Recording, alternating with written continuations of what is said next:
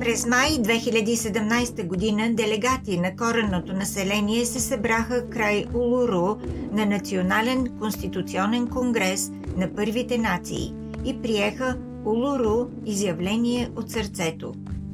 Изявлението предлага промени в Австралийската конституция, включващи признаване в Конституцията на австралийските първи нации и бъдещи стъпки, базирани на истината, справедливост и воля за помирение.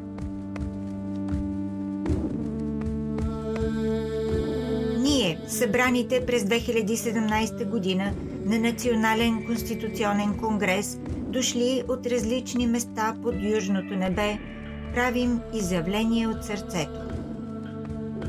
Нашите аборигенски племена бяха първите независими нации на австралийският континент – и близките острови, които ние владеехме по наши закони и обичаи.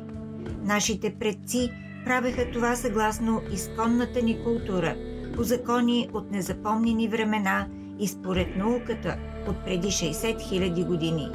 Тази независимост е духовна. Родова връзка между Земята или майката природа и аборигените, родени на нея, останали привързани към нея – и един ден ще се завърнат в нея, за да се съединят с предците си. Тази връзка е в основата на притежанието на Земята, по-точно в основата на нашата независимост. Тя никога не е била прекъсвана и съществува заедно с господството на короната. Как би могло да бъде иначе? Нима може хората да са притежавали земя в продължение на 60 хилядолетия – и тази свещена връзка да бъде излечена от световната история само за последните 200 години.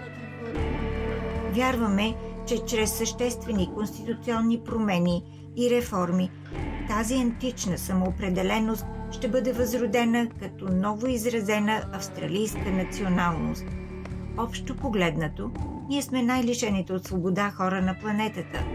По природа ние не сме престъпници – Нашите деца са отчуждавани от семействата си по безпредседентен начин. Това не е защото не ги обичаме.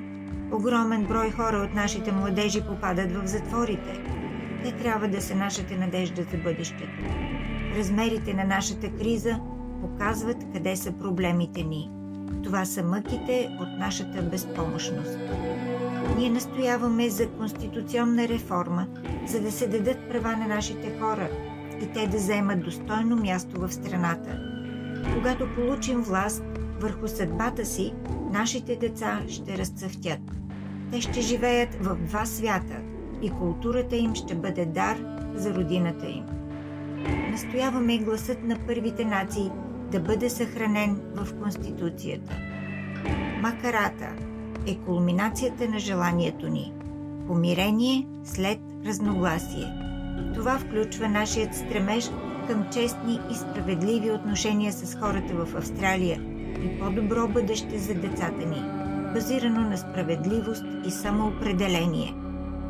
Искаме комисията Макарата да ръководи процеса на постигане на споразумение между правителствата и хората от първите нации, да се каже истината за нашата история.